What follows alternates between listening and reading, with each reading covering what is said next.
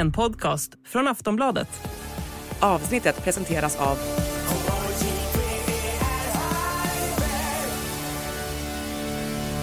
Stödlinjen.se, åldersgräns 18 år.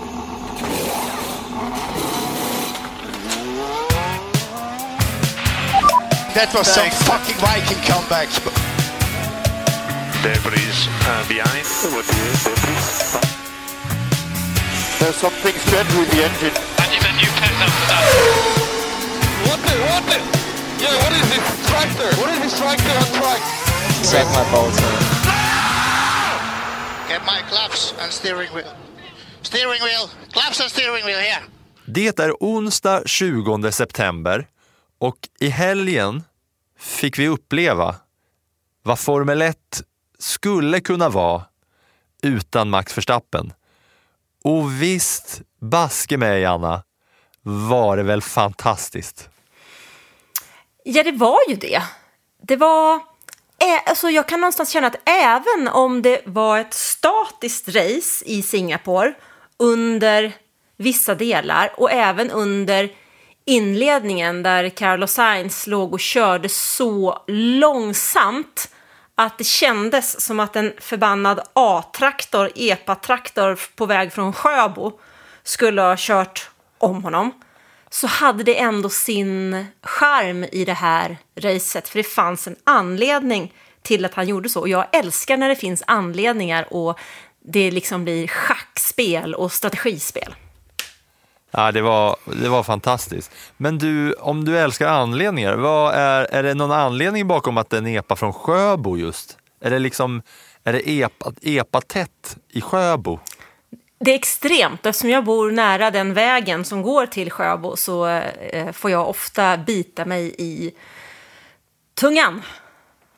Jaha, så att det är extra epatätt i Sjöbo alltså. Sjöbo. Där var jag och spelade golf i somras och då, jag vet inte om jag berättade det här i podden tidigare, fan vad det känns som att jag varje vecka nu har liksom tappat minnet i vad jag har sagt i podden. Eller om jag har sagt det i vanliga livet. Men jag spelade golf i Sjöbo på en jättehärlig golfbana. Men då fick jag reda på att min kusins eh, sambo, hon bodde och växte upp där i krokarna när de byggde den där golfbanan. Och hon är så lite golf man kan bli. Så då när hon i liksom ungdomens, tonårens liksom, eh, topp heydays så skulle de bygga den där golfbanan och sen så gjorde de det och sen så var de ju vansinniga de som bodde där i krokarna. Och då när de skulle ha invigning av den här golfbanan då drog hon och några polare dit och fyllde alla hål dagen, samma dag som invigningen skulle vara, fyllde alla hål med hundskit. Så när alla fina snofsiga eh, kostymbeprydda eh, kommunpolitiker och andra liksom sjöbotoppar kom och spelade golf, då var det hundskit i alla hål. Det låter ju lite grann som när eh, de i Lund skulle se till att det inte skulle bli något valborgsfirande på eh, corona. Då la de ut höns i gödsel kring eh, Valborg, Stadsparken i Lund, där det annars är världens eh, kalas i samband med Valborg. Eh, Vadå, när det, när det under coronatiden så ville, vilka var det som inte ville att man skulle fira? Ja, men ah, man, vi fick ju inte fira. Vi skulle ju hålla två meters avstånd och då visste man ju att i Lund firar studenterna på valborg. Och hur undviker Ja. vi det? Jo då, med hönsgödsel, för då är det ingen som klarar av att sitta i Stadsparken. För att det luktar skit? Yes. Jaha. Ja, det var eh, skiten i Sjöbo och Lund som eh, introducerade oss till det här avsnittet. Men eh, ja, det var, ju- det var ju någonting. Men alltså det här, ja, vi får sluta småkackla för att det här racet hade ju så pass mycket saker så att vi får börja bara straight away, eller så är det väl?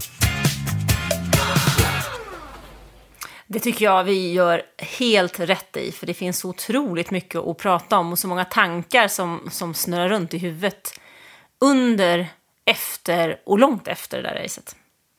Mm, men det började ju redan på träningarna egentligen under den här helgen. För att där såg man, och efter ett Monza där Ferrari var snabba och fina och flinka och alla bra ord som är liksom positivt laddade såg man ju hos Ferrari där. Och sen så tog de med den där farten hela vägen till Singapore och på träningarna så såg det också bra ut för Ferrari. Och den farten hade de med sig hela helgen. Ja, men jag tror att det faktiskt finns en sak som vi inte har pratat så mycket om, eller som många inte har pratat så mycket om, som faktiskt har gett Ferrari en fördel här. Och det tror jag är det faktum att detta var ett eh, varmt kvällsrace. Alltså när man kommer till Singapore så behåller ju teamen faktiskt sin europeiska klocka. Alltså de går liksom inte upp på morgonen i Singapore, för de vill inte ha, ha med tidsförskjutningen att göra, utan man går upp typ halv tre på dagen. Eh, och det gör alla de här sessionerna då som vi hade i träning och kval och sånt, de är ju kvällstid och då är det ganska stabila förhållanden. Det var nästan ingen vind, det var ingen regn och det var ganska jämna temperaturer. Och det där gillar ju Ferraris bil. När det inte blir en, när det inte är, alltså är det öppet så det blåser, ja då förändras förhållandena och det har den svårt med. Och här är det så, ja men det var verkligen perfekt, förutom att det då var en stadsbana, de var ju också snabba i eh, Azerbajdzjan tidigare år på stadsbana. Eh, det var mm, kurvorna, trivs bilen bra i och det är lite hoppigt och sen helt enkelt perfekta förhållanden för den här bilen. För det var ganska ja, men lugnt och stilla i allting som stör sig runt omkring. Ja, och vi pratar ju såklart om Ferrari för att de både tog eh, pole position och vann racet som första bil att inte vara en Red Bull på hela den här säsongen. Racet kommer vi såklart komma till och där kommer vi ägna mest tid åt. Men innan vi kommer till kvalet, så förra veckan så pratade vi om den här gigantiska ödlan och Robinson, Freddy och Varanen. Och titt på fan när det körs igen i Singapore så kommer det ut en liten ödla igen. Tyckte du den var liten? Jag tyckte inte den var så liten, även om, även om eh, Max Verstappen tyckte den var rätt liten. Men så liten kan den inte ha varit med tanke på att eh, Fernando Alonso faktiskt klippte den fullständigt. Ja, det börjar ju med att alltså, de bilderna som dammades ut på sociala medier var ju att Verstappen liksom såg den där, eh, att det är en ödla igen, eller varan, igen på banan. Eh, men den är lite mindre den här gången och så är det ju Christian Horner som säger väl, eller om det är hans eh, är race engineers. GP ja. är det väl, race engineer? Ja, de har, de har ganska lika röster ändå, tycker jag. Christian och han. Eh, som bara, ja, maybe Godzilla had a kid och så tycker de att det är jätteroligt. Lät så här. Shinoda. Oh, there's a lizard again on the track. A smaller one this time. Okay, understood. Maybe Godzilla had a kid. I mean, that makes sense. Och det var ju ändå sjukt att det hände liksom igen när man eh, har pratat om det där, att det är så ödletätt. Sen fick ju alla förare smaka på den där ödlan och liksom reagera och vara på väg att köra på den och, ja, och väja och säga något kul på radion om det. Men det var i alla fall liksom, eh, behållningen från träningen ändå. Eh, men sen var det ju kvalet då och då såg man det ju tidigt här har det hänt något med Red Bull. För Red Bull tog sig inte vidare ifrån Q2 utan Max Verstappen blev utslagen av Liam Lawson med då 7 tusendelar av en sekund. 0,007 sekunder. Och Perez hade ju ingenting att säga till om heller. Nej, men det kändes ju väldigt tydligt tycker jag att den här bil, alltså Red Bulls bil passade ju inte alls på den här banan. Och om man tänker tillbaka lite grann till det var typ 2015 när Mercedes var helt överlägsna så var problematiken i Singapore för dem då ungefär samma sak. Alltså din Red Bull har nu, som Mercedes hade då, en aerodynamisk perfekt bil, alltså väldigt effektiv. Men på den här banan den är ju någonting helt annat än vad vi kör under resten av säsongen. Här finns det liksom inte de här DRS-zonerna som man kan njuta av. Det finns inte heller kurvorna på det sättet. Det är mycket 90-graders kurvor och det är hoppigt och det är rant. Och de hittade ju inte riktigt rätt med inställningarna redan från början, utan de började tixa och trixa och försöka ändra. Och det där blir ju sällan bra när man redan från början ligger fel och sen så ändrar man lite mer och sen så ändrar man tillbaka och så ändrar man lite mycket. Så då skruvar man ju ofta lite för mycket åt alla möjliga håll och så blir det lite stress och lite press. Och i det här läget så blev det lite för mycket och vi ska komma ihåg att det är inte första gången som Max Verstappen har varit på vippen i Q2. Det har ju hänt förut i Belgien om jag inte minns helt fel. Så var det samma sak, men då fixade han det. Nu kom ju Liam Lawson in och han vet ju mycket väl den här unge nyzeeländaren, att hans chans ligger ju i att eh, ta den och ta den nu i sitt tredje lopp så länge han får chansen och så länge Daniel Ricciardo är eh, out of business så att säga. Så han gör ju allt han kan och han gör det otroligt bra.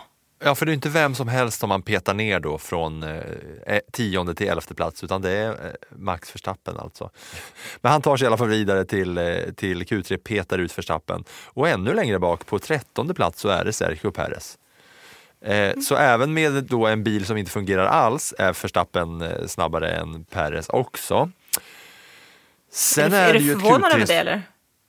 Nej, verkligen inte. Jag tycker bara att det är liksom klart och tydligt att med en bra bil så är han mycket snabbare och med en dålig bil så är han också eh, snabbare. Oavsett om båda är nöjda eller den ena är nöjd eller båda är missnöjda så är liksom förhållandena likadana mellan de båda.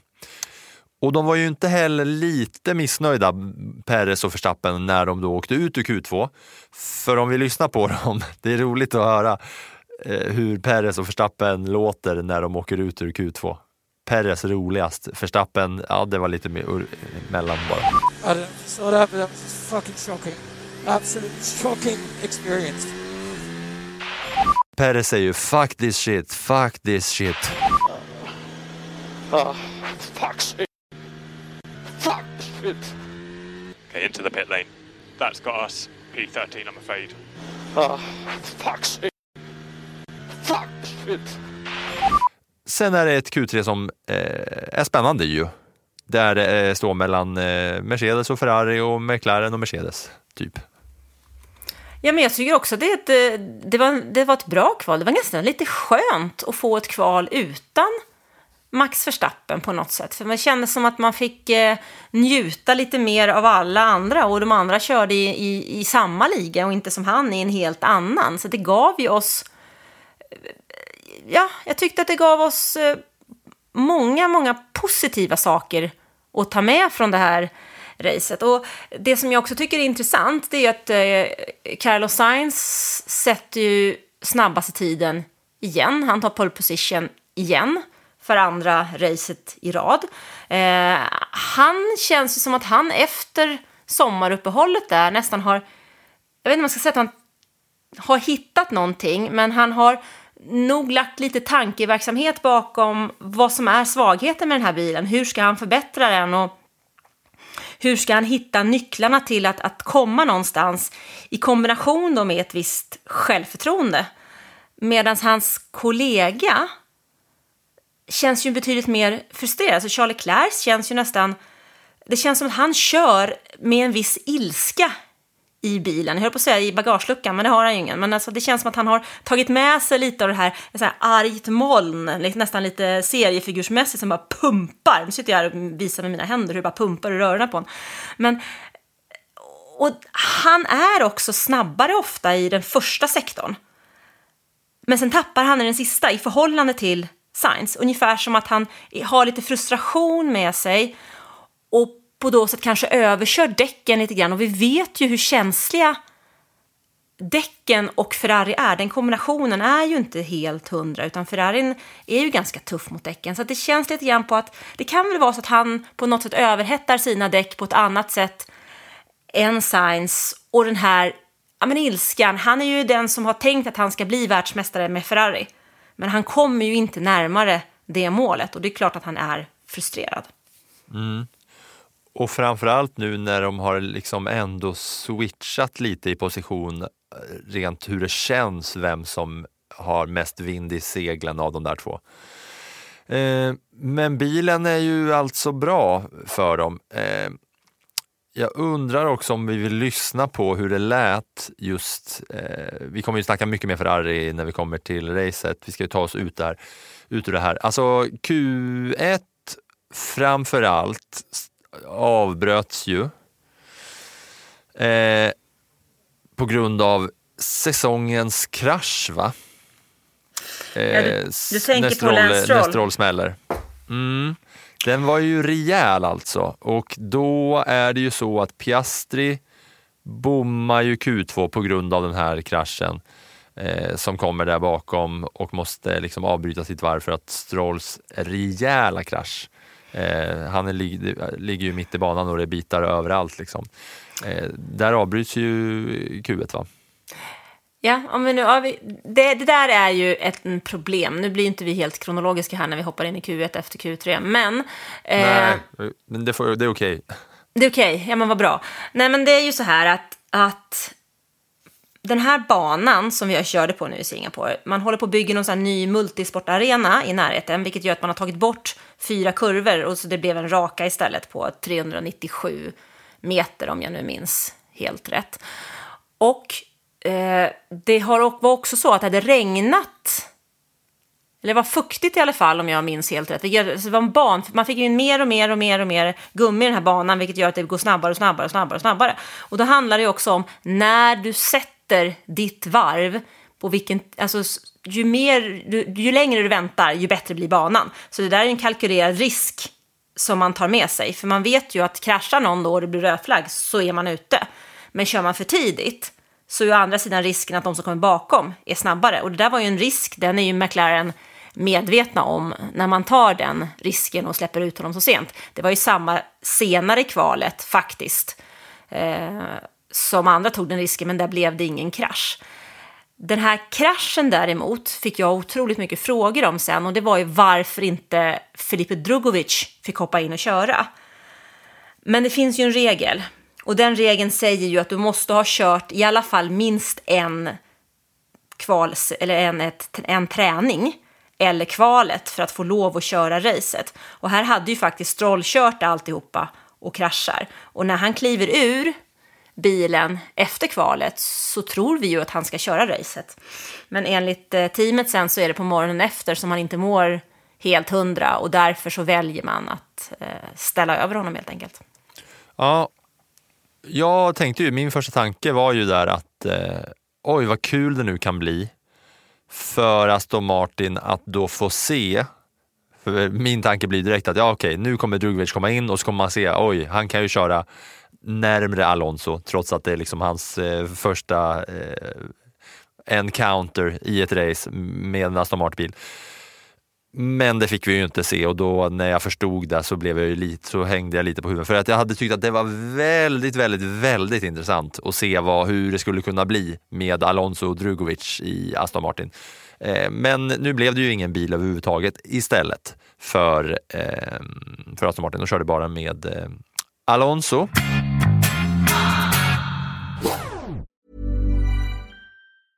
Finding your perfect home was hard. But thanks to Burrow, furnishing it has never been easier. Burrow's easy to assemble modular sofas and sectionals are made from premium, durable materials, including stain and scratch resistant fabrics. So they're not just comfortable and stylish, they're built to last. Plus, every single Burrow order ships free right to your door. Right now, get 15% off your first order at burrow.com slash ACAST. That's 15% off at burrow.com slash ACAST.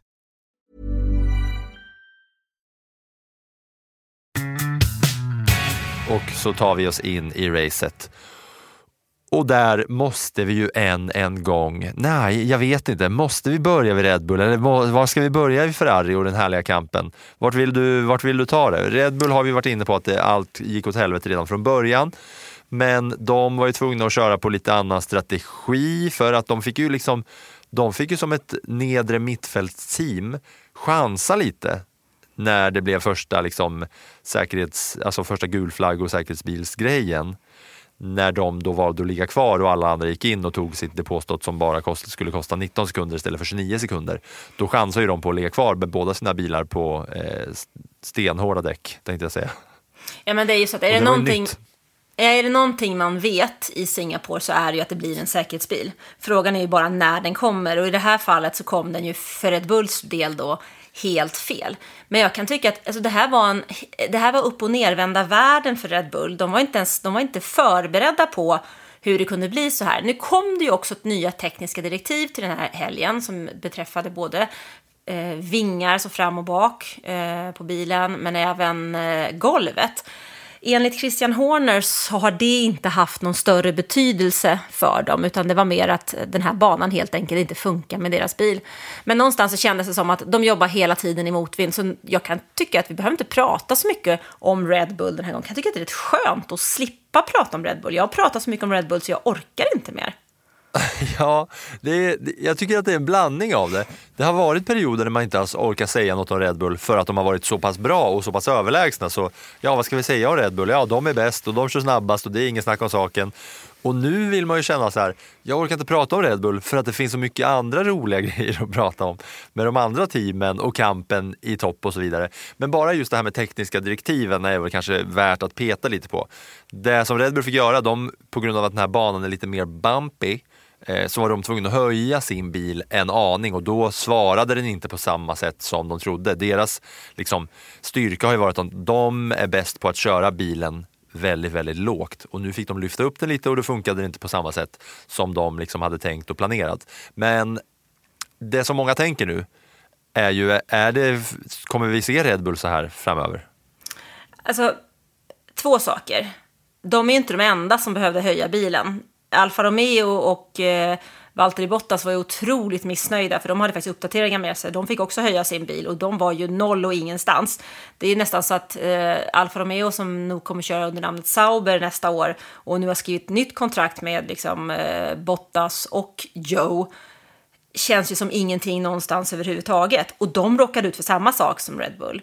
Nummer två. Men det blir inte lika stort. Det blir inte lika liksom, häpnadsväckande att de är typ sämst och sen var de ännu mer sämst i princip. Nej, nej men det, vill jag, det jag vill ha sagt med det där, det är ju att Red Bull inte är ensamma. Det där är ju någonting som kan hända. Och det har ju hänt andra team vid andra tillfällen. Så det är väl inte mer än att eh, det kan hända dem. Och det händer dem också. De är ju inget unikum, även om vi har tyckts tro det under en längre period. Men nummer två, kommer det se ut så här jämt? Nej, det tror inte jag. Utan jag tror att nu kommer vi till en helt annan typ av bana redan om ett par dagar i Japan.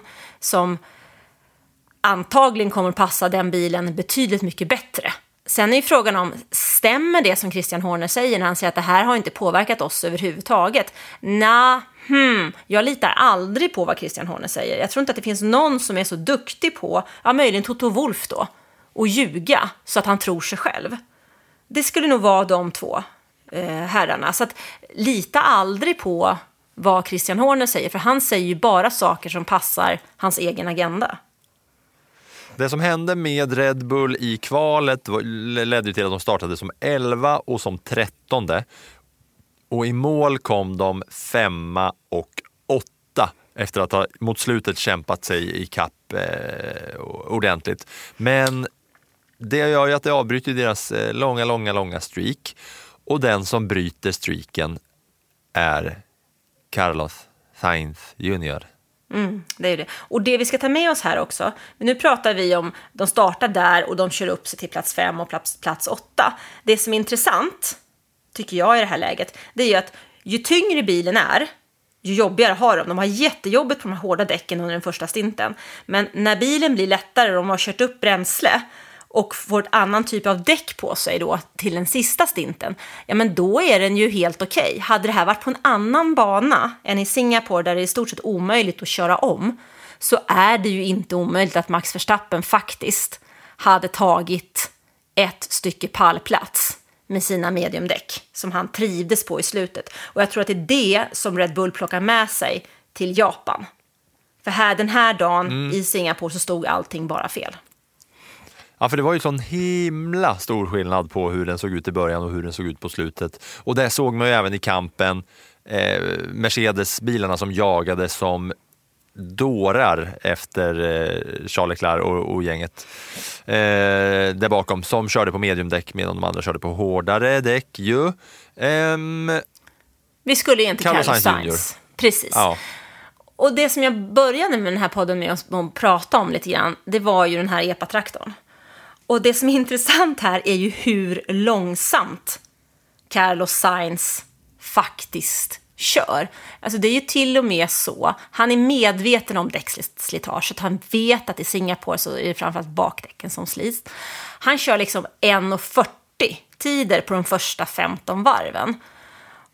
Och sen så kör han 1.39 och han håller det liksom iskallt. Det är till och med att en Haas som käkar däck på ren svenska inte hade några problem att hålla med i tempot. Det är till och med så att de sista bilarna inte är speciellt långt efter. För han gör allt han kan för att hålla ner tempot för att hans bil inte ska slita så mycket däck. Så han kör ju liksom en otroligt medveten, långsam strategi där. Samtidigt som man har haft en start där man har haft olika däck på eh, Leclerc och på Sainz.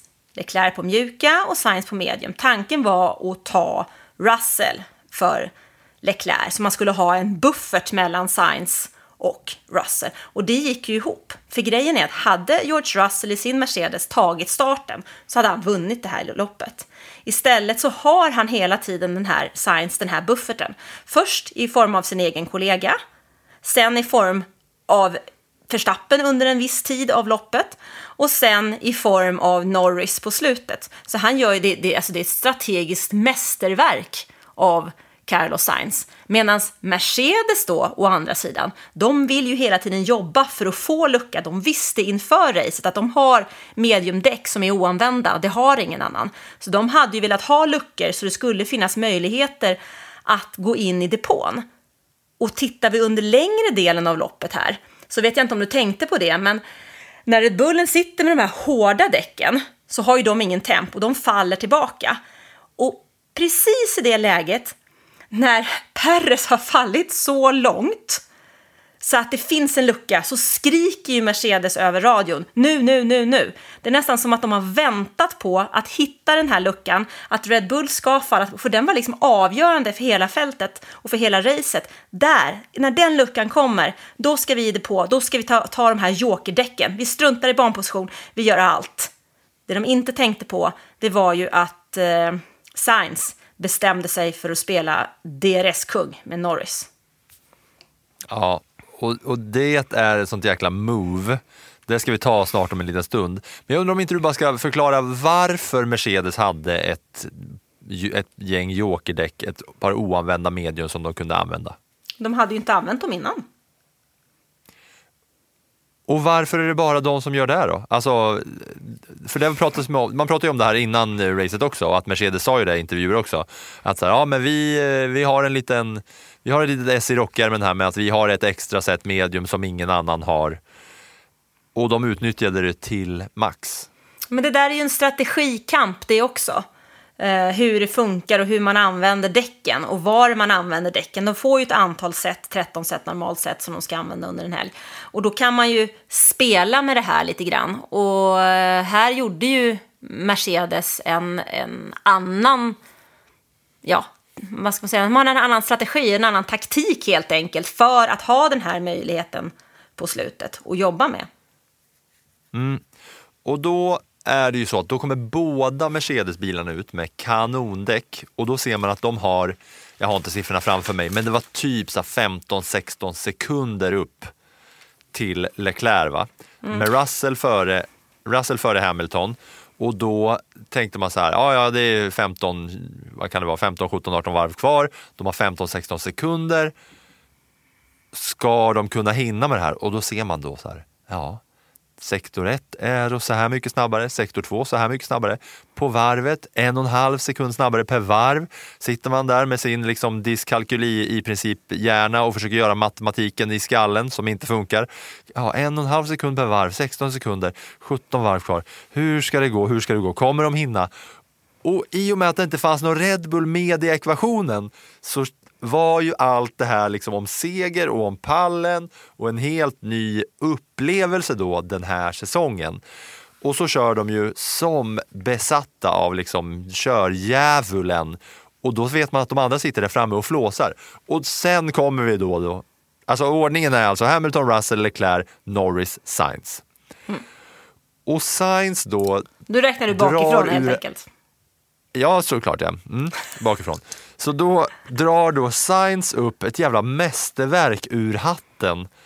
För man vet att han har liksom försökt hålla ihop fältet hela tiden. Och sen så säger de då på radion, det är som att de inte heller har fattat hur smart Science är i det här läget. Att han trots allt det här kan hålla ordning på saker och ting i skallen. Och så drar han till det med the master move när de säger Norris 0.8 behind. Och det säger de ju för att han ska veta att Norris har DRS-läge så att han liksom, han är, Sainz är i fara för att Norris har ju DRS, han kan köra om. Och Sainz bara svarar så jäkla lugnt. Yes, it's on purpose. Och då börjar man ju tänka när han hör det så här, vadå it's on purpose?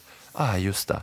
För han vet ju att båda Mercedes-bilarna kommer bakom och om inte Norris har DRS så kommer Mercedes-bilarna köra om Norris och sen köra om Sainz.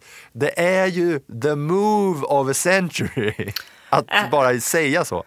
Ja, men det är ju så otroligt ah, sofistikerat, skulle jag nästan säga. Alltså det på något sätt så är det ju så här, Indycar, enhetsbilar, raw racing, hoppigt, skuttigt, tufft. F1. Unika bilar, egenkonstruerade, kungaklassen, sofistikerat. Snyggt, smart, speciellt, science. Alltså det är ju Ja, på något sätt så är det verkligen eh, helt fantastiskt. Det jag inser att jag glömde att säga här tidigare, det som, man, som, säkert någon kommer påpeka, det är ju att det var en virtuell säkerhetsbil när Mercedes går in i depå. För utan en sån så hade de inte kunnat göra depåstoppet, därför att det är en väldigt lång depåraka i Singapore. Så att det blir ju en, alltså, det är ju på något sätt som att du, ett crescendo i slutet av hela det här racet som man bara sitter och väntar och väntar och längtar efter. Man, jag ville inte att de här varven skulle ta slut. Jag tyckte det var helt fantastiskt. Liksom, eh, vad heter det? Träningsverk i, i fingrarna i stort sett. Jag hann ju inte titta och jag fick ett sånt otroligt engagemang tillbaks från ah, de som följde liven också. Så att man, det kändes verkligen som vi satt där i vårt virtuella vardagsrum tillsammans och kollade på detta och alla liksom hoppade, studsade upp och ner för att vänta på den här fantastiska avslutningen som naturligtvis slutar då i tårar för en förare. För att han av någon anledning, han vet nog själv inte ens vilken, inte klarar av att göra omkörningen när han ska göra den utan istället tappar koncentrationen och fokus lite sent vid ett senare tillfälle och avslutar dagen i muren. Ja, för på samma sätt som det är klang och jubel för Sainzen och Norris där längst fram så är det ju en George Russell som hade chansen att köra om Norris men som inte riktigt gjorde det. Och med bara några få, få, få varv kvar Det sista varvet, han... det? Ja, det är väl på, ja, för att just det där du säger med crescendo, det är ju exakt så det här jävla racet var. Att det, det var liksom, det var stendött, det var stendött och man satt och snarkade och somnade. Ja, det var så jävla skönt, en så jävla skön söndag. Jag låg i soffan i lugn och ro, ensam hemma, låg och kollade på det där racet och så kände jag bara vad härligt att det går så lugnt. Man kan ligga och lyssna, blunda till lite, vakna upp tio varv senare, ingenting har hänt. Och sen kommer den där virtuella säkerhetsbilen och då bara måste man sätta sig upp från ingenstans och bara, vad är, vad är det som händer nu? Nu, nu blir det grejer. Man sitter och börjar göra liksom, kalkylen där på, på eh, ställningen och ser så här, ah, nu kommer de här.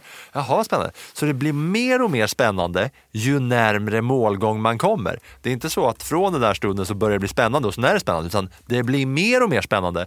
Och sen när det är liksom redan med ett eller två varv kvar och man bara, det är ju otroligt spännande här. Då drämmer Russell in mitt i alltihopa, in med högerdäcket i väggen innan en vänstersväng och dammar av. Helt på eget liksom, bevåg faller han. Och han var ju då, för om vi ska ta liksom kontrasten, skillnaden mellan den liksom otroligt glada Sainz och Norris så är det ju sånt jäkla mörker när det kommer till Russell. För ett, han lyckades ju inte med omkörningen på Norris som han skulle göra. Han var ju liksom... Eh, det är så lurigt, för båda Mercedes-bilarna kommer där, båda är skitsnabba, de kör in 15-16 sekunder. De lyckas köra av förbi Leclerc båda två. Russell har ju då fullpumpat adrenalin för att han känner nu ska jag förbi här. Han känner att han kör om segern. Han påpekar det flera gånger på radion. Han känner att han kör om segern, så han är liksom taggad, han är laddad och helt uppumpad för att köra förbi både Norris och Sainz. Samtidigt som den erfarne Lewis Hamilton ligger där bakom och pressar Russell.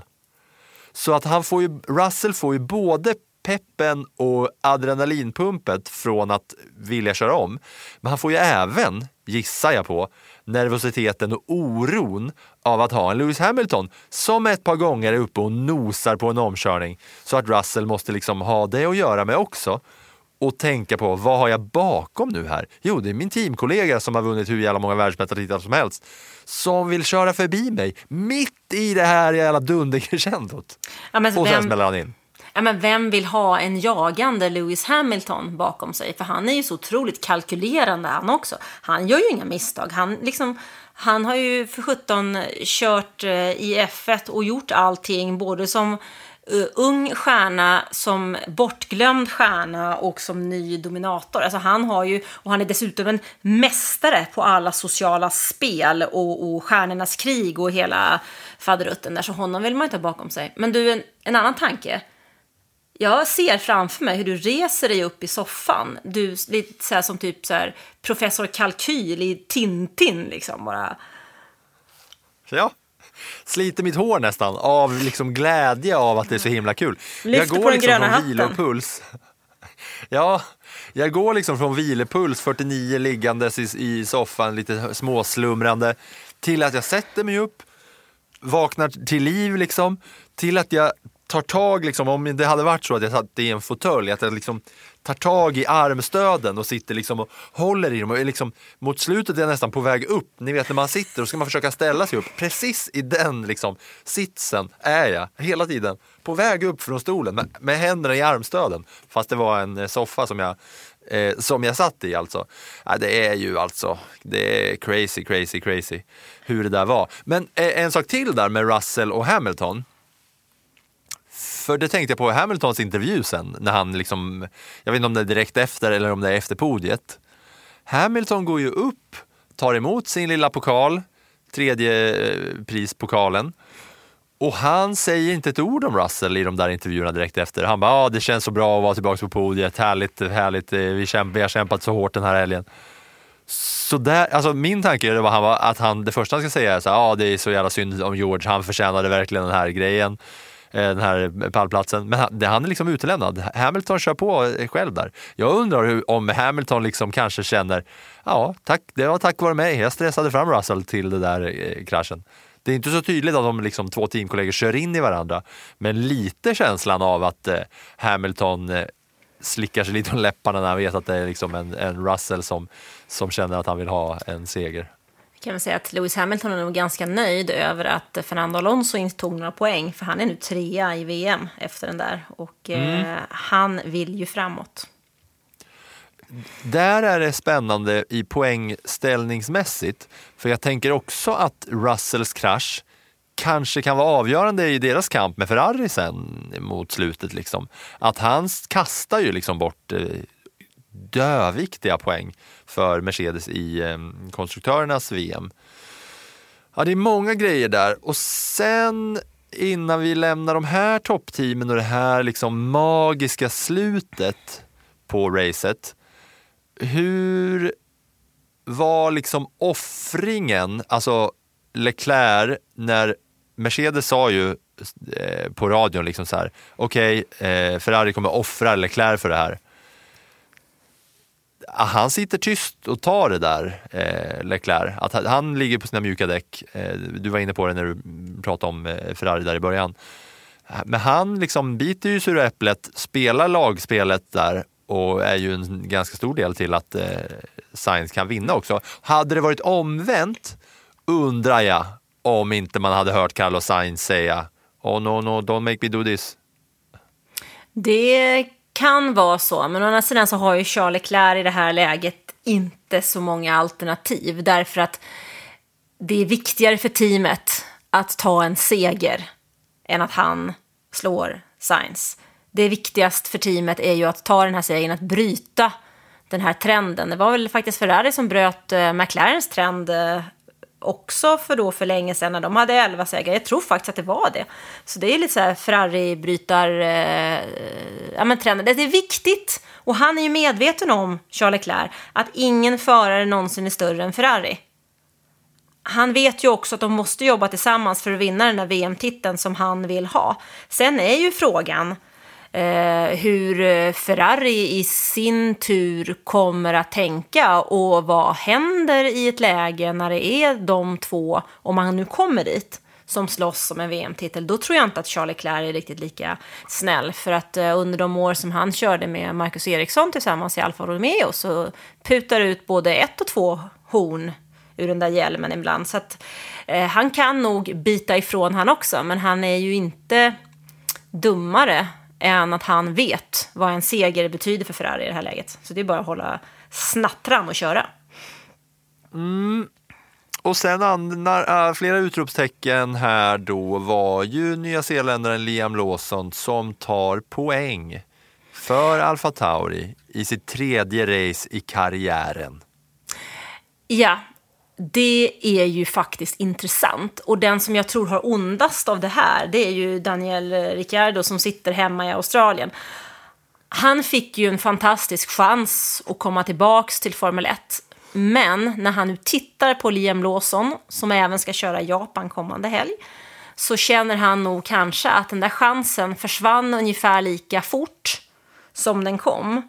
För den där incidenten i Nederländerna Eh, när han får en fraktur i handen kan ju ha förstört väldigt, väldigt mycket för hans framtid. För det Liam Lawson gör, det är att han tar ju chansen när han får den. Och det är precis det som man som Formel 1-förare måste göra. Det var ju faktiskt en sån sak som satte nykter fris i den där Alfa Taurin förra året. För han gjorde en sån insats på Monza för Williams. Efter det fick han kontraktet. Sen var ju inte i närheten av att prestera på det sättet när han väl körde för Alfa Tauri. Men det som Liam Lawson gör, nu gör är ju helt rätt. Jag menar, det kan ju inte finnas ett team. Det, det enda teamet där man tillåter en förare och, och jag höll på att säga misslyckas gång på gång på gång och ändå låta honom köra, det är ju hos Aston Martin och det är ju för att pappa betalar. Sen är det bara frågan om hur tjock den plånboken är. Så Liam Lawson gör ju, han gör helt rätt. Och jag har svårt att se hur Red Bull ska kunna sätta en sådan framtidsförare vid sidan ett år till. Han kör visserligen Superformula i Japan, men där satt han ju redan på avbytarbänken. Nu får han en chans och han tar den. Ska man ha en framtidsman i bilen eller ska man ha Ricciardo som skrattar och ler ur 34? Mm, det ställer ju till det i det redan snurriga Alfa Tauri-teamet ju. Och när vi ändå är inne på det så har jag läst att det kommer bli lite rapporter om att de kommer eh, offentliggöra en förlängning med Sunoda inför Japan. Vad tror du om det? Känns det som att det är i linje med eh, hur F1-världen funkar? Det känns som att det ligger väldigt mycket i linje med hur F1-världen funkar faktiskt. Det jag är lite nyfiken på framöver, det är ju att se vad som händer när eh, faktiskt Honda lämnar Red Bull mm. och Alfa Tauri. Mm. Men härnäst så, eh, det kanske till och med är så att när det här avsnittet kommer ut eh, onsdag den 20 september att det har dykt upp för att det är väl i princip då det börjar liksom tisslas och tasslas lite på plats i, eh, i Japan. Va? Eh, vi ska lyssna på några grejer till här för att eh, det var ju så att förra säsongen hade vi en legendarisk eh, ett legendariskt avgrundsvrål från Charles Leclerc när han vrålar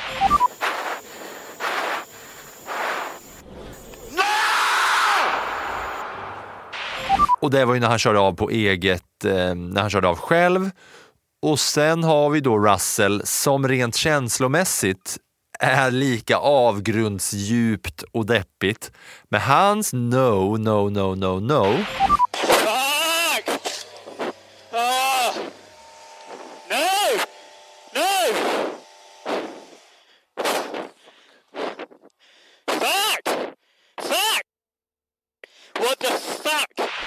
det är liksom inte lika mycket, det är inte lika mycket the dark side i Russell, i, i hur han lät. Sen har vi även Esteban Ocon som var tvungen att bryta också, som även han försöker sig på eh, liksom eh, Masked Singer Leclerc och kör No No No också. No! No! For fuck's sake! Inte lika maffigt. Slutresultatet då, som sådant. Carlos Sainz Jr 1, Lando Norris 2. Herregud, vi har inte sagt någonting om Lando Norris eller McLaren. Det kommer, det kommer, det kommer. Jag tänkte jag skulle ta det till eh, Japan, förstår du. Okej, det blir spännande. Då får vi höra om en liten stund. Då. Lando Norris 2 och då efter George Russells krasch Lewis Hamilton som är trea. Och efter det kommer Leclerc som nästan till slut blev uppkäkad av Verstappen också. Och så har vi Gasly som har smugit med på en sjätteplats, alltså Verstappen femma, Gasly sexa, Piastri sjua. Piastri som alltså då körde upp sig från en sjuttonde plats, vilket är ju eh, mycket bra. Sjua Piastri, åtta Perez, nia Liam Lawson och sen en liten poäng till Danmark och Haas och Kevin Magnussen som kommer dit. Eh, och han är väl där för att eh, Sergio Perez körde bort Alex Albons eh, chans på poäng egentligen när han kom och skulle snika till sig en innekurva som gjorde att eh, Albon fick eh, köra runt lite. Ja, nu rabblar jag till, ner till elfte plats och det här gör ju att man blir lite nyfiken på att höra eh, hur det ser ut i mästerskapet också, eller hur Anna? Det vill man väl? Absolut. Det var länge sedan vi, vi rabblade lite där. Ska du rabbla eller ska jag rabbla? Tänker du på konstruktörer eller tänker du på förarmästerskapet? Både och faktiskt. För jag känner lite, jag är lite mer sugen på konstruktörsmästerskapet, så det tar jag gärna. Mm, kör! Red Bull i täten, 597 poäng. Men där bakom ligger nu Mercedes på 289. Ferrari 3 på 265 och Aston Martin 4 på 217. De här tre, Mercedes, Ferrari, Aston Martin, vem av de tre kommer att sluta som tvåa? Det är några otroligt intressanta fighter som vi har framför oss. Efter det följer McLaren på 139 som femma. De känns ju som att de ligger, de är ju väldigt bra på det nu, men de ligger ändå i en egen liga. För sen där bakom, Alpin sexa med 81. Och sen blir det tajt igen. Sjua Williams 21 poäng, åtta Haas 12 poäng, nio Alfa Romeo 10 och 10 Alfa Tauri med 5 poäng. Och då har ju liksom Liam Lawson nästan kört in 50 procent av Alfa Tauris poäng den här säsongen, bara har- med att köra in två. Han har kört in två poäng, Yuki Tsunoda har vid tre tillfällen i år tagit en poäng. Mm. Ja, det är många grejer här som är riktigt spännande för att det är så tajt och nu när vi har sett att det är möjligt för någon annan att vinna så är ju det liksom, det är ju 25 viktiga poäng och eh, 7 poäng mer än den som kommer två. Det, ja, det är alltså spännande i konstruktörsmästerskapet. Det är ju såklart att ingen kommer någonsin rå på Red Bull på något sätt, men det, det, är liksom, det svänger katten i tabellen känner, jag. Ja, sen blev man ju lite glad också när man nu inte hade någon Red Bull med där uppe, för det kändes ju som att F1 levde igen. Jag tyckte det var otroligt kul att äntligen få skriva någonting annat. Mm. Och det som det här leder till då i, i eh, förarmästerskapet är ju eh, att egentligen bara om man tittar på liksom tabellen så är det ju så att Hamilton, som du säger, trixar sig förbi Alonso, knappar in en aning på Perez.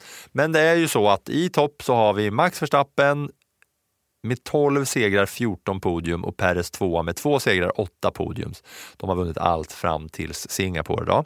Det är 374 poäng, 223 poäng från, eh, på Verstappen och Perez. Där bakom så har Hamilton 180, Alonso nu 170 Carlos Sainz smyger igång med 142, Charles Leclerc med 123 på sjätte plats, Russell med 109 och Norris på åttonde med 97. Det är ju liksom lilla getingboet då, femma till åtta känner man ju där det kan liksom vända. Nu har väl eh, Sainz lite eh, försprång till de andra.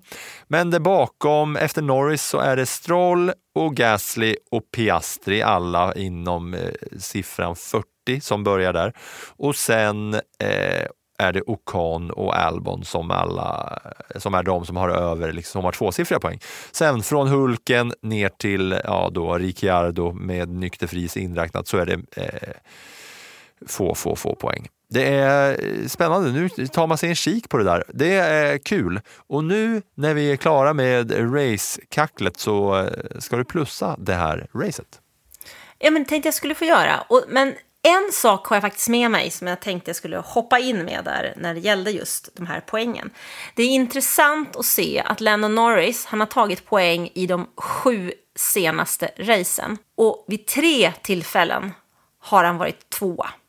Alltså den, det lyftet som McLaren har gjort här under eh, sommar och inledningen av hösten eller sensommar, beroende på vilket väder det är, hur man vill kalla det, liksom, eh, har ju varit helt makalöst bra egentligen. Men nu kör vi mina plus.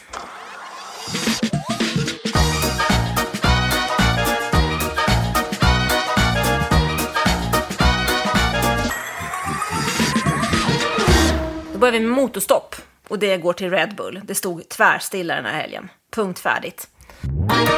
Ett plus, det går till George Russell för att han inte klarar pressen, han kan inte hålla nerverna i styr och han tappar fokus i en millisekund. Där försvinner alla poäng. Två plus går till Fernando Alonso.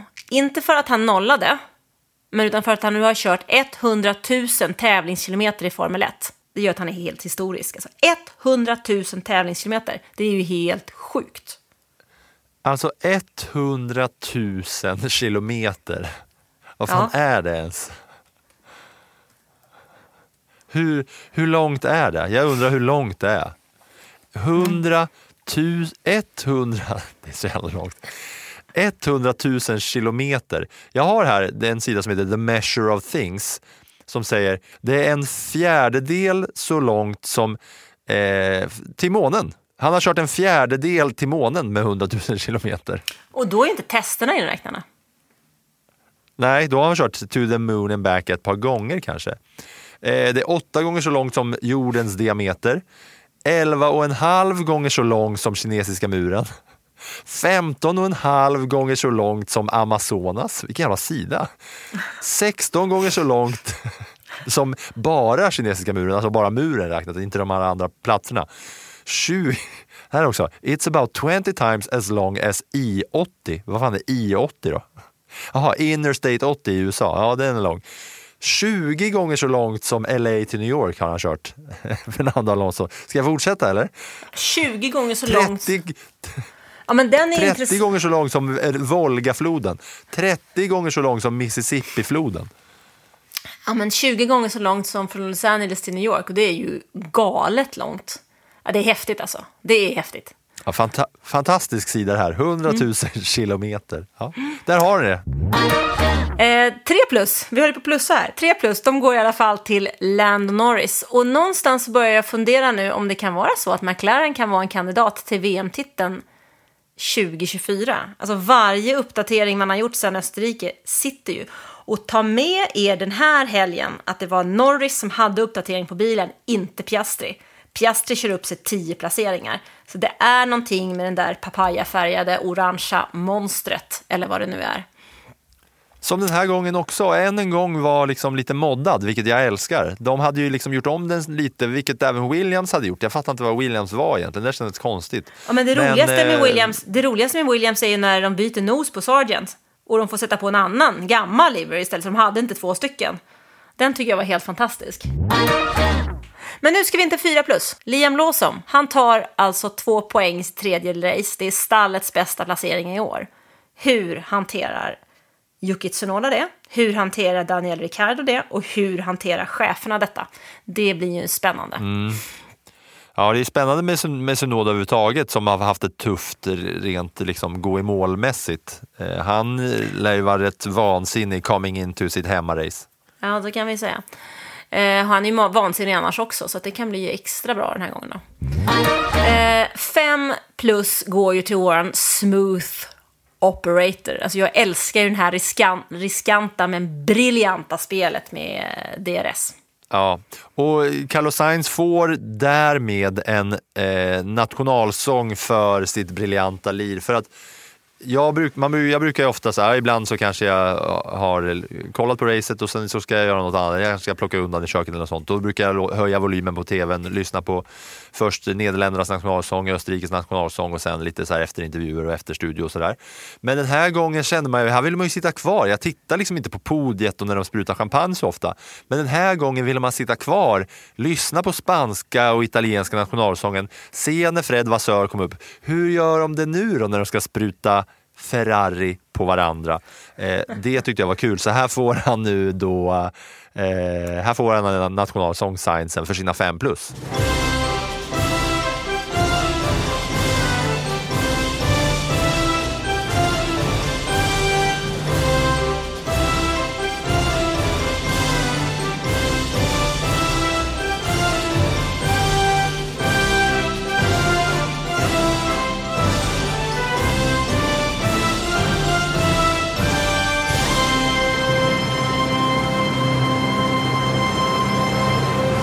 Och inte heller ska vi lämna det här avsnittet utan några småstats.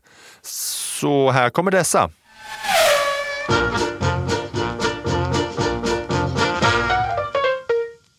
Och då är ju det här långa Red Bull-rekordet som comes to an end. 15 raka segrar, 301 dagar obesegrade från 21 november 2002 till 17 september 2003.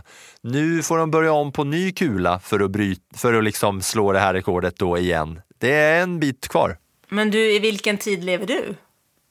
17 Vadå? 21 november 2002 till 17 september 2003. Det var en stund sedan. Sa jag 2002? Jag, Ja.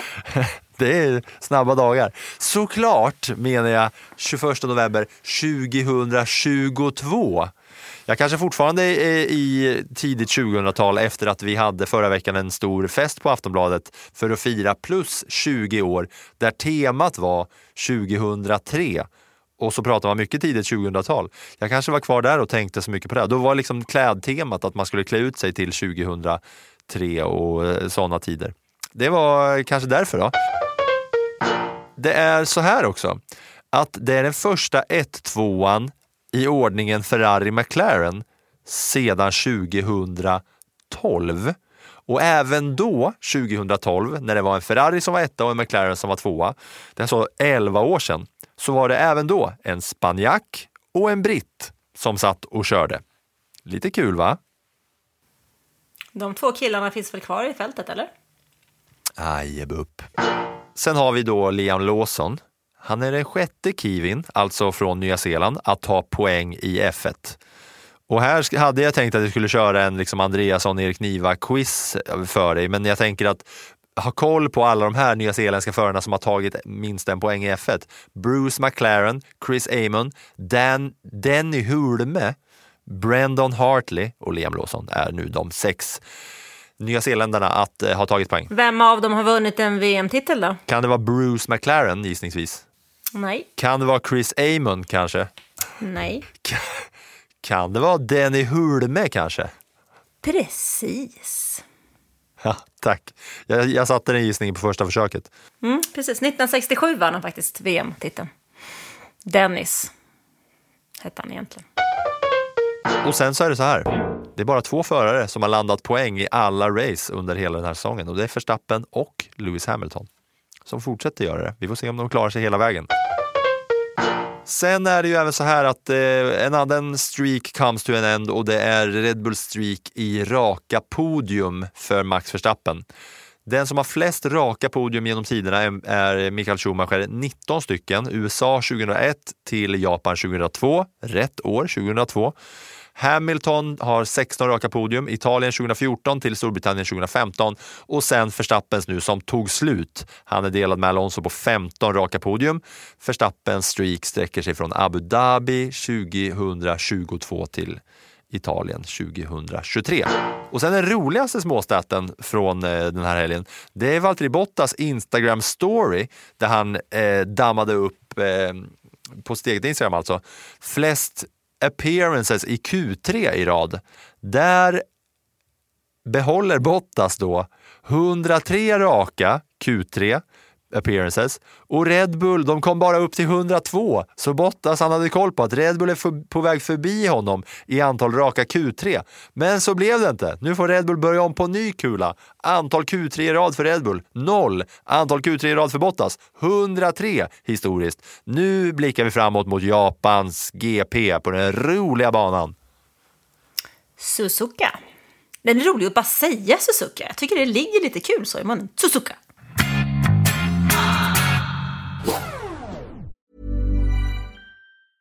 Ryan Reynolds here from Mint Mobile. With the price of just about everything going up during inflation, we thought we'd bring our prices down. So to help us, we brought in a reverse auctioneer, which is apparently a thing. Mint Mobile unlimited premium wireless. Ready to get 30, 30, bit to get 30, bit to get 20, 20, 20, bit to get 20, 20, bit to get 15, 15, 15, 15 just 15 bucks a month. So, Give it a try at mintmobile.com slash switch. $45 upfront for 3 months plus taxes and fees. Promo rate for new customers for limited time. Unlimited more than 40 gigabytes per month slows. Full terms at mintmobile.com.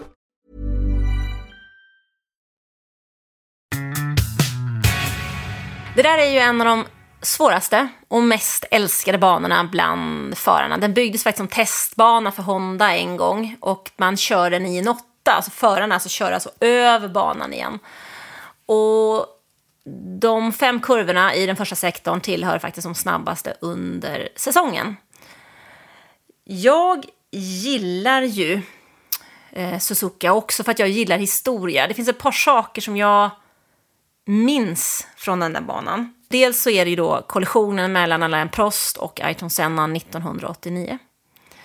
Det finns ett regnrace från 1994 när eh, Damon Hill slår Michael Schumacher. Sen har vi år 2000. Det är när Schumacher vinner sin första titel med Ferrari och han efter, eh, på efterfesten står på en sån här karaokebar in till banan och sjunger Frank Sinatras My Way. Sen ska vi inte heller glömma bort Kimi Räikkönen som vinner ett galet regnrace år 2005 från startposition 17 i en McLaren Mercedes. Jag kan nog känna att det är ett av Räikkönens bästa race. Och så får vi inte glömma bort 2014 när Jules Bianchi får vattenplaning och han kraschar in i en hjullastare som skulle hämta upp en Sauber som hade också hade fått vattenplaning och han eh, avled sommaren 2015. Ja, sen så minns vi också traktorn från i fjol när det var otroligt nära ytterligare en svår olycka när Pierre, Gaslo, eh, Pierre Gasly galer över radion. Right flag. God, what the, what the? Yeah, what is this tractor? What is this tractor on track? I'll pass next to it, like. This is unacceptable. Wonder what's happened. Can't believe this. Ja, den har ju sin historia den här banan och är även en favoritbana att köra för många eh, förarna. Men i och med att det är, vi håller oss kvar i Asien, är det, eh, det är ju inte kvällsrace där inte, så det kommer bli andra tider för oss. Ja, kval klockan åtta på lördag och race klockan sju på söndag. Så jag känner att det behövs nog lite kaffe på den. Plus att jag hoppas att alla lajvare klarar av att eh, komma upp i tid. va? Så att vi kan se det där racet eh, tillsammans. För jag tror att det kan bli lite spännande. Jag sa ju inte så mycket om McLaren förut. Men jag känner någonstans att det här faktiskt kan vara en bana med sina snabba kurvor som passar McLaren. Plus att det är båda förarna har en uppdaterad bil till den helg som kommer. Så jag är jättenyfiken på att se McLaren. Jag är också nyfiken på att se hur Red Bull kan slå tillbaka. Vad kan Mercedes göra? För de tycker jag också kändes positiva efter Singapore. Däremot är jag lite tveksam när det gäller Ferrari. För att i Japan så brukar ju vädret kunna svänga rätt mycket. Det kan blåsa rejält på den där banan och den där bilen gillar ju inte när det sker eh, förändringar i vind och temperatur och regn och sånt där. Men jag, jag känner mig ändå positiv. Det ska bli väldigt, väldigt roligt och mysigt tycker jag alltid att gå upp på morgnarna och eh, ha lite F1 att eh, titta till. nu tackar vi för att eh, vi har fått prata i era öron ännu en vecka. Tack så mycket för att ni lyssnade. That was some fucking Viking comeback. Debris uh, behind. There's something strange with the engine. And you've a new pet after that. What the, what the? Yeah, what is this tractor? What is this tractor on track? Suck my balls, man. Get my claps and steering wheel. Steering wheel. Claps and steering wheel here.